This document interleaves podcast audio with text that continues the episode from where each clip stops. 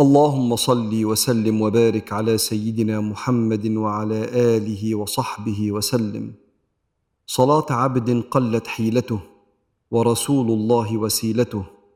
وأنت لنا يا ربنا مجير من كل كرب عظيم.